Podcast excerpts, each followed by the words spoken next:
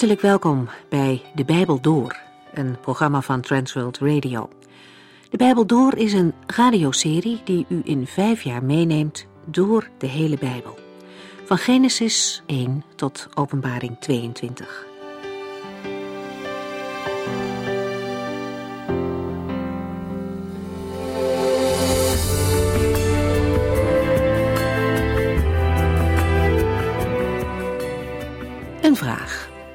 Kun je christen zijn en niet geloven dat mensen uit de dood op kunnen staan?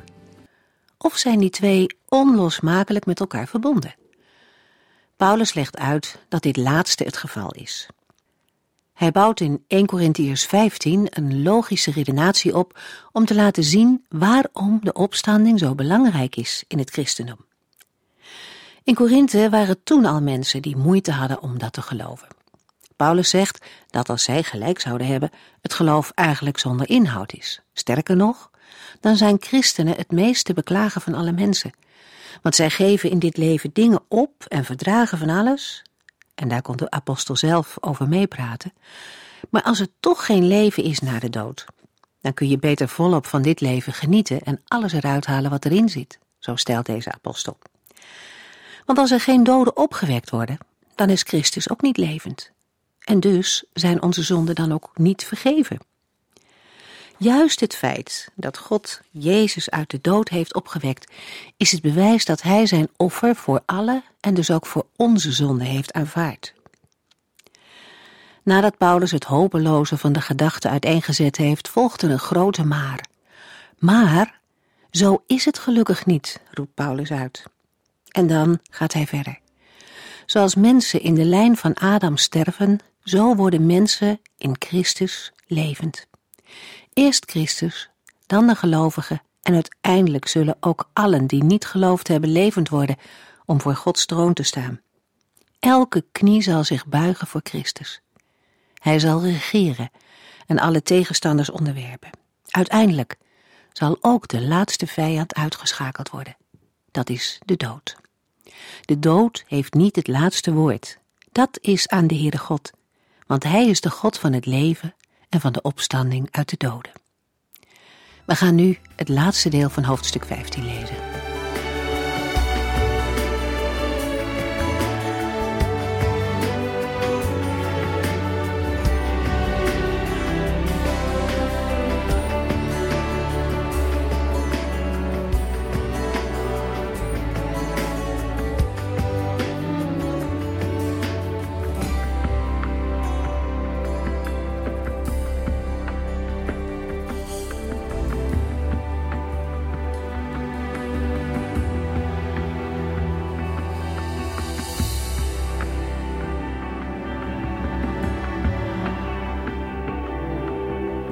De vorige uitzending heeft de apostel Paulus duidelijk gemaakt dat een ontkenning van de lichamelijke opstanding van de doden het christelijk geloof ondermijnt.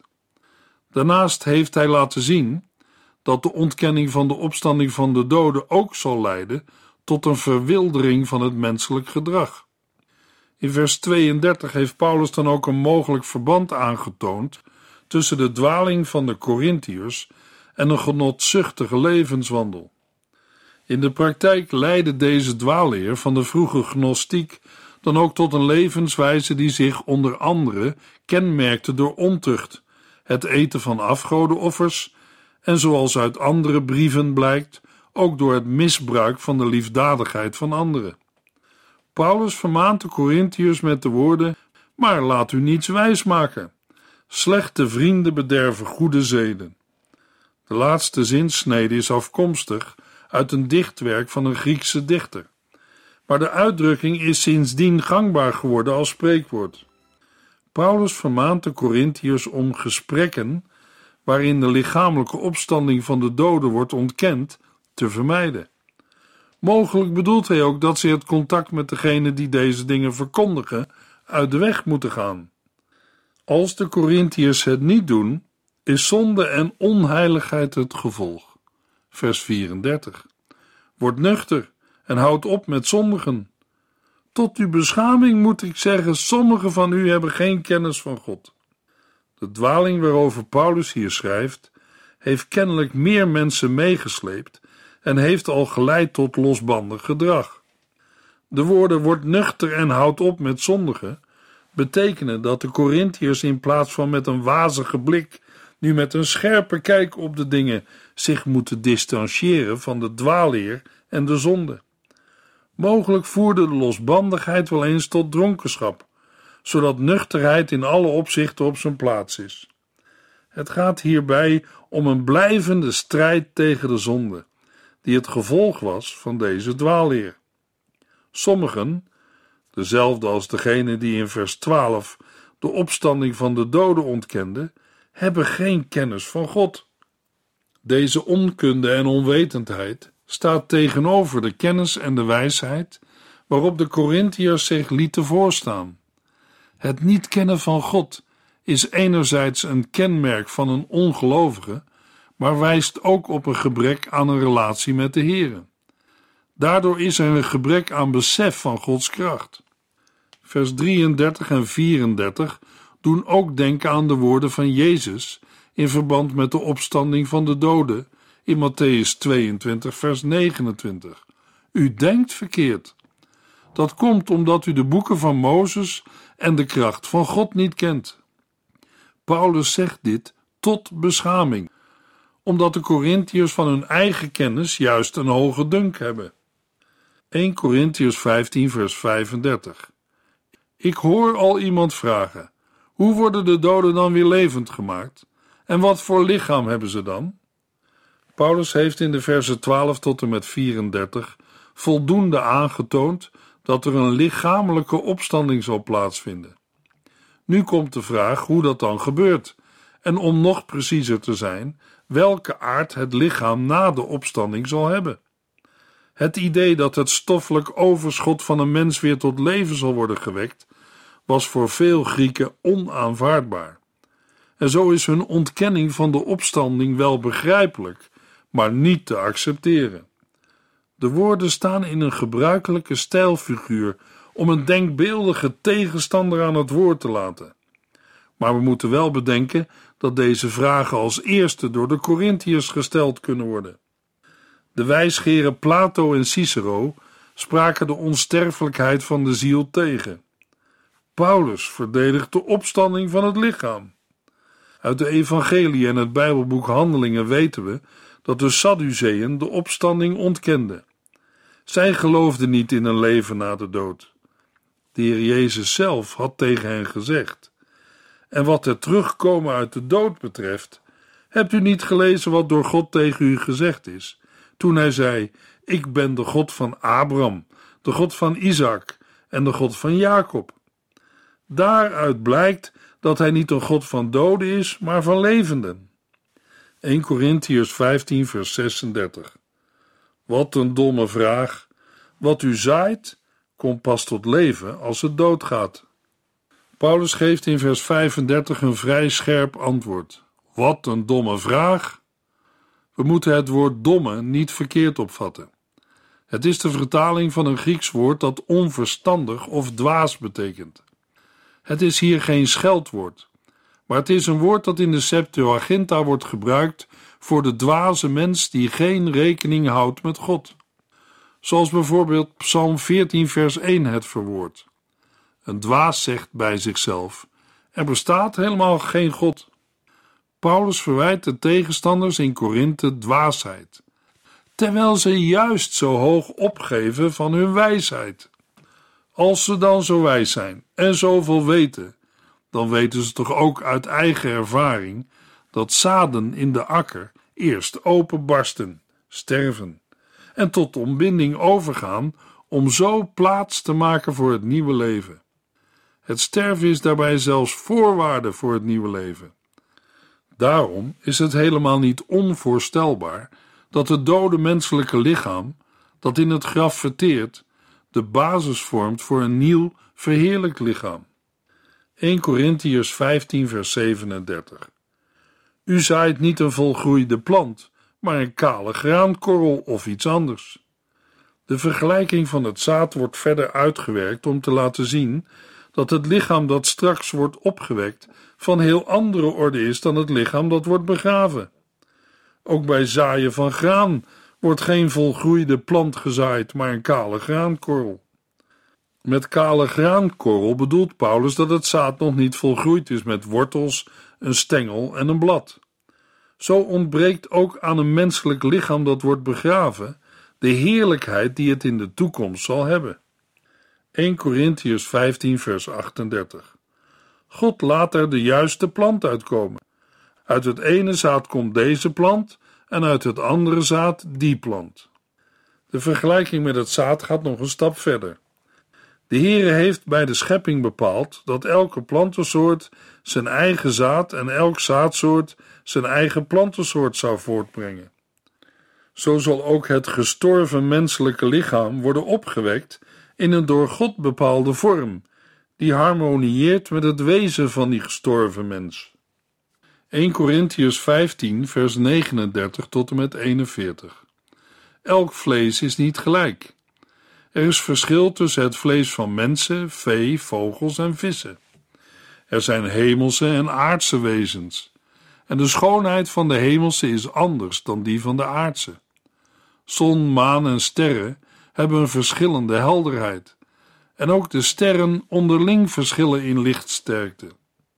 Om het beperkte voorstellingsvermogen van de Corinthiërs te verruimen en hun te laten zien dat bij de opstanding van de doden het opgewekte lichaam in vele opzichten anders kan zijn dan het huidige lichaam, gebruikt Paulus opnieuw een aantal voorbeelden.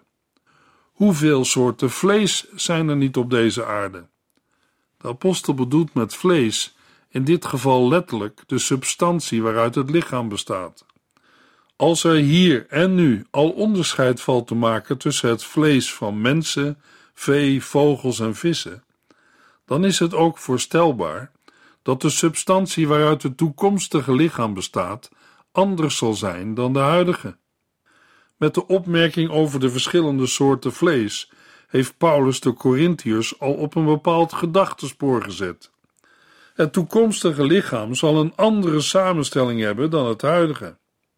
Maar er is nog een ander belangrijk verschil tussen het huidige menselijke lichaam en het toekomstige, namelijk een verschil in heerlijkheid of uitstraling. Paulus gebruikt opnieuw een illustratie om dit duidelijk te maken. Er zijn hemelse en aardse wezens, en de schoonheid van de hemelse is anders dan die van de aardse. Met de hemelse lichamen bedoelt Paulus, zoals blijkt uit vers 41, de hemellichamen, zon, maan en sterren. De aardse lichamen blijven verder onbenoemd, maar daarbij horen zeker ook de mensen. Het aardse menselijke lichaam heeft nauwelijks heerlijkheid en straalt zeker geen licht uit. De hemellichamen zijn juist zichtbaar omdat ze licht uitstralen. In het toenmalige wereldbeeld werden zij door hun plaatsing aan de hemel dicht bij God gedacht. In de Bijbel wordt licht en Gods heerlijkheid en heiligheid vaak met elkaar verbonden. In 1 Timotheus 6 vers 16 wordt over de Heere gesproken. Hij is als enige onsterfelijk en woont in zo'n helder licht dat geen mens hem kan benaderen.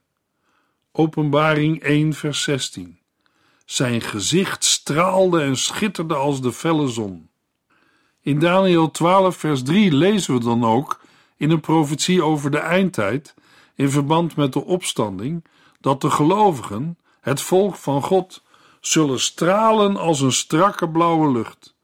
En wie de mensen tot gerechtigheid hebben gebracht, zullen schitteren als de sterren, voor eeuwig en altijd. Paulus illustreert hier de gedachte dat bij de opstanding ook de gelovigen verschillende graden of soorten heerlijkheid zullen ontvangen. 1 Corinthians 15, vers 42. Zo is het ook bij het levend worden van de doden. Iets vergankelijks wordt gezaaid en iets onvergankelijks wordt tot leven geroepen. De begrafenis van een menselijk lichaam wordt in vers 42 vergeleken met het zaaien van zaad waaruit iets nieuws tevoorschijn komt. Het belangrijkste verschil is dat iets vergankelijks wordt gezaaid en iets onvergankelijks tot leven wordt geroepen. De vergankelijkheid van het lichaam blijkt al uit het verouderen van een mens tijdens zijn leven en tenslotte door de ontbinding in het graf. De onvergankelijkheid ligt besloten in het feit dat het nieuwe lichaam eeuwig leven heeft. Het vergaat niet meer. 1 Corinthians 15, vers 43 tot en met 47. Wat in de aarde wordt gelegd, is het aanzien niet waard. Maar wat levend wordt gemaakt, is schitterend. Wat in de aarde wordt gelegd, is tot niets in staat. Maar wat levend wordt gemaakt, heeft grote kracht. Wat in de aarde wordt gelegd, is een natuurlijk lichaam. Maar wat levend wordt, is een geestelijk lichaam. Want als er een natuurlijk lichaam is, moet er ook een geestelijk lichaam zijn. Er staat immers in de boeken: de eerste mens, Adam, werd een levend wezen. Maar Christus, de laatste Adam, werd een geest die zelf leven geeft. Het natuurlijke lichaam komt eerst, en daarna pas het geestelijke. Adam, de eerste mens, werd uit stof van de aarde gemaakt. Christus, de tweede mens, kwam uit de hemel. We kunnen de gelezen versen het best begrijpen als we aannemen dat sommige Corinthiërs meenden dat hun bestaan nu al helemaal werd gekenmerkt door de geest. Zij negeerden het lichaam dan ook zoveel mogelijk. Hetgeen tot uitdrukking kwam, enerzijds in het afwijzen van de seksualiteit binnen het huwelijk en anderzijds in allerlei vormen van losbandigheid, omdat het lichamelijke er toch niet meer toe doet. Als Paulus zegt dat het geestelijk lichaam niet eerst komt, maar het natuurlijke, spreekt hij over het heden. In de huidige situatie hebben de gelovigen nog een natuurlijk lichaam. Dat wil zeggen een lichaam dat grotendeels bepaald wordt door de ziel. Het geestelijk lichaam slaat op de toekomst. Nadat het natuurlijk lichaam is gestorven, zal de Heere de gelovigen opwekken met een geestelijk lichaam. Een lichaam dat past bij de geest en helemaal door de geest wordt bepaald, dankzij de inwoning van de Heilige Geest. In vers 47 geeft Paulus alleen de oorsprong van de nieuwe mens aan, namelijk uit de hemel. Over de samenstelling van het nieuwe lichaam zegt hij weinig. Maar het is niet uit stof van de aarde gemaakt. In dat licht heeft de apostel het over het opstandingslichaam van de Heer Jezus, dat inderdaad een hemelse oorsprong heeft. 1 Corinthians 15, vers 48 tot en met 50. Alle mensen stammen af van Adam en hebben dus een aards lichaam, net als hij. Maar de mensen die uit Christus voortkomen, zullen een hemels lichaam krijgen, net als hij. Dus zoals wij op de aardse Adam lijken, zullen wij ook op de hemelse Christus lijken. Laat ik heel duidelijk zijn, broeders en zusters. Lichamen van vlees en bloed kunnen geen deel hebben aan het koninkrijk van God. Onze vergankelijke lichamen kunnen niet altijd blijven leven. Gelovigen zijn in zekere zin nu al burgers van een rijk in de hemelen en zien uit naar het moment dat dit burgerschap zichtbaar zal worden door hun verheerlijking. 1 Corinthians 15, vers 51 en 52. Wat ik u nu verder vertel, heeft God tot nog toe verborgen gehouden. Wij, als gelovigen, zullen niet allemaal sterven, maar wel allemaal in een oogwenk een nieuw lichaam krijgen, op het moment dat de laatste bazuin klinkt. Ja, er zal het machtige geluid van een bazuin te horen zijn. Dan zullen de doden levend worden gemaakt met een onvergankelijk lichaam, en ook wij zullen een nieuw lichaam krijgen. Dat het in vers 50 inderdaad gaat om de gelovigen die nog leven bij de wederkomst van Jezus Christus, blijkt uit de woorden: Wij als gelovigen zullen niet allemaal sterven. Paulus richt de aandacht op iets dat hem door de Heer is geopenbaard. De verborgenheden in het Nieuwe Testament betreffen als regel onderdelen van Gods heilsplan, die vroeger niet bekend waren, maar nu zijn geopenbaard. De verborgenheid die Paulus nu meedeelt, houdt in dat op het moment dat de laatste bazuin klinkt, alle levende gelovigen in een oogwenk een nieuw lichaam krijgen. Dat er bij de wederkomst van Jezus Christus nog gelovigen in leven zullen zijn, is al door de Heer Jezus voorzegd. De genoemde verborgenheid houdt in dat wij allen veranderd zullen worden. Zowel degenen die nog leven bij de wederkomst van Christus, als de al gestorven gelovigen, zullen op dat moment een hemels, door de geest bepaald lichaam ontvangen. Bij de Heere klinken de bazuinen om zijn aanwezigheid en zijn heilsdaden aan te kondigen en te begeleiden. Het Nieuwe Testament spreekt over zeven engelen met bazuinen, en wel in verband met de oordelen van God over de aarde. De laatste bazuin markeert binnen ons tekstverband de wederkomst en de opstanding. Deze komt mogelijk overeen met de zevende bazuin uit Openbaring, die het koningschap van Christus over de hele aarde en de beloning voor de gelovigen aankondigt. Op het moment van Christus' komst zullen tegelijkertijd de gestorven gelovigen met onvergankelijke lichamen worden opgewekt en de nog levenden zullen veranderd worden met hetzelfde resultaat. 1 Corinthians 15 vers 53 Ons vergankelijke, sterfelijke lichaam zal verwisseld worden voor een onvergankelijk, onsterfelijk lichaam. Paulus wijst nog eens op de onmogelijkheid voor het huidige lichaam om Gods heerlijkheid te beërven. 1 Corinthians 15, vers 54 tot en met 57. Wanneer dat gebeurt, wordt werkelijkheid wat in de boeken staat. De dood is opgeslokt in Gods grote overwinning en, dood, je kunt de overwinning wel vergeten. Dood, wat voor kwaad kun je nu nog doen?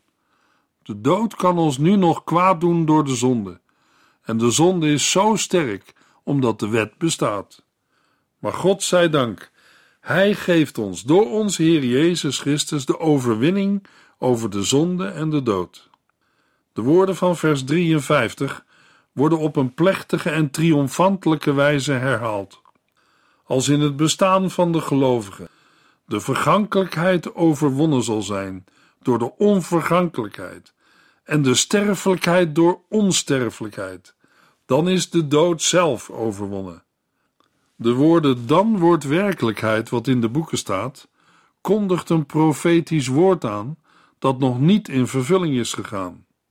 Het citaat is afkomstig uit Jesaja 25 vers 8. God zij dank, hij geeft ons door onze Heer Jezus Christus de overwinning over de zonde en de dood. Inderdaad, nu de dood door Christus is overwonnen en de gelovigen een onsterfelijk lichaam hebben ontvangen, is de overwinning, de heerschappij van de dood over de mensheid, definitief ten einde. Bij de vraag dood, waar is uw prikkel? wordt de dood voorgesteld als een insect, bijvoorbeeld een schorpioen, die met zijn angel een dodelijke steek toebrengt. Die dodelijke steek kan dan niet meer worden toegebracht. De giftige angel van de dood, waarmee deze de mensheid ombrengt, is de zonde. De dood heeft door de zonde de mensheid in zijn macht gekregen. Maar Christus heeft niet alleen de dood overwonnen, ook de oorzaak van de dood, de zonde, is door hem teniet gedaan toen hij ter verzoening van de zonde stierf. Paulus gaat nog een stap verder. De zonde is zo sterk omdat de wet bestaat. Door de wet wordt de zonde als zonde herkenbaar gemaakt en gekarakteriseerd als overtreding tegen God. Zo bekrachtigt de wet die goed is de zonde en wordt die een bewerker van de dood. Ook de vloek van de wet is door Christus aan het kruis teniet gedaan. Maar, God zij dank, Hij geeft ons door onze Heer Jezus Christus de overwinning. De gedachte aan de overwinning over de dood, de zonde en de wet brengt Paulus tot een dankzegging aan God. Paulus gebruikt de tegenwoordige tijd, geeft, in plaats van de toekomende tijd omdat hij de absolute zekerheid heeft dat deze overwinning gegeven wordt bij de wederkomst van Christus. De overwinning komt van God. Hij heeft de Heer Jezus opgewekt uit de dood en hem heerschappij verleend. De overwinning valt de gelovigen ten deel door toedoen van onze Heer Jezus Christus. Hij stierf van het kruis om de verzoening van de zonde te bewerken. En hij is degene die straks iedere vijand, ook de dood, teniet zal doen. In Openbaring 12, vers 11 lezen we: Ze hebben hem, de Satan, overwonnen, doordat het Lam zijn bloed voor hen heeft gegeven en doordat zij daarvan hebben getuigd. Ze waren bereid hun leven ervoor te geven. 1 Corinthians 15, vers 58. Dus, beste vrienden, sta vast en wees onverzettelijk. Blijf actief voor de Heer. U weet toch dat het werk dat u onder zijn leiding doet niet voor niets is. Ten slotte richt Paulus zich heel persoonlijk tot de hele gemeente. Ondanks zijn ernstige waarschuwingen tegen de dwaalleer, spreekt hij hen liefdevol aan als beste vrienden. Ook zijn vermaningen komen voort uit liefde en bewogenheid. De afsluiting van 1 Corinthians 15 bevat twee punten. Het eerste is: wees onverzettelijk. De gedachte is dat de gelovigen zich niet mogen laten afbrengen van het onderwijs van de apostelen in zaken de opstanding van Jezus Christus. En in het verlengde daarvan de opstanding van alle gelovigen. De dwaalleer die deze opstanding logent, mag hen niet meeslepen. Het tweede punt is: blijf actief voor de Heer. Het werk van de Heer is het werk voor de Heer, dat in de eerste plaats bestaat uit de verkondiging van het evangelie in woord en daad. De motivatie om zich daarvoor in te spannen, zich moeite en offers te getroosten, ligt in de zekerheid dat het werk onder zijn leiding niet voor niets is. De hoop op de opstanding en de beloning maakt alle inspanning de moeite waard. Paulus heeft laten zien dat zonder deze hoop alle moeite en gevaren zinloos zijn. En zo zal het ontbreken van deze verwachting dan ook leiden tot onverschilligheid en losbandigheid. De opstanding en verheerlijking van Christus zijn de garantie voor de opstanding en verheerlijking van de gelovigen die met Hem verbonden zijn. In de volgende uitzending lezen we 1 Corinthiërs 16.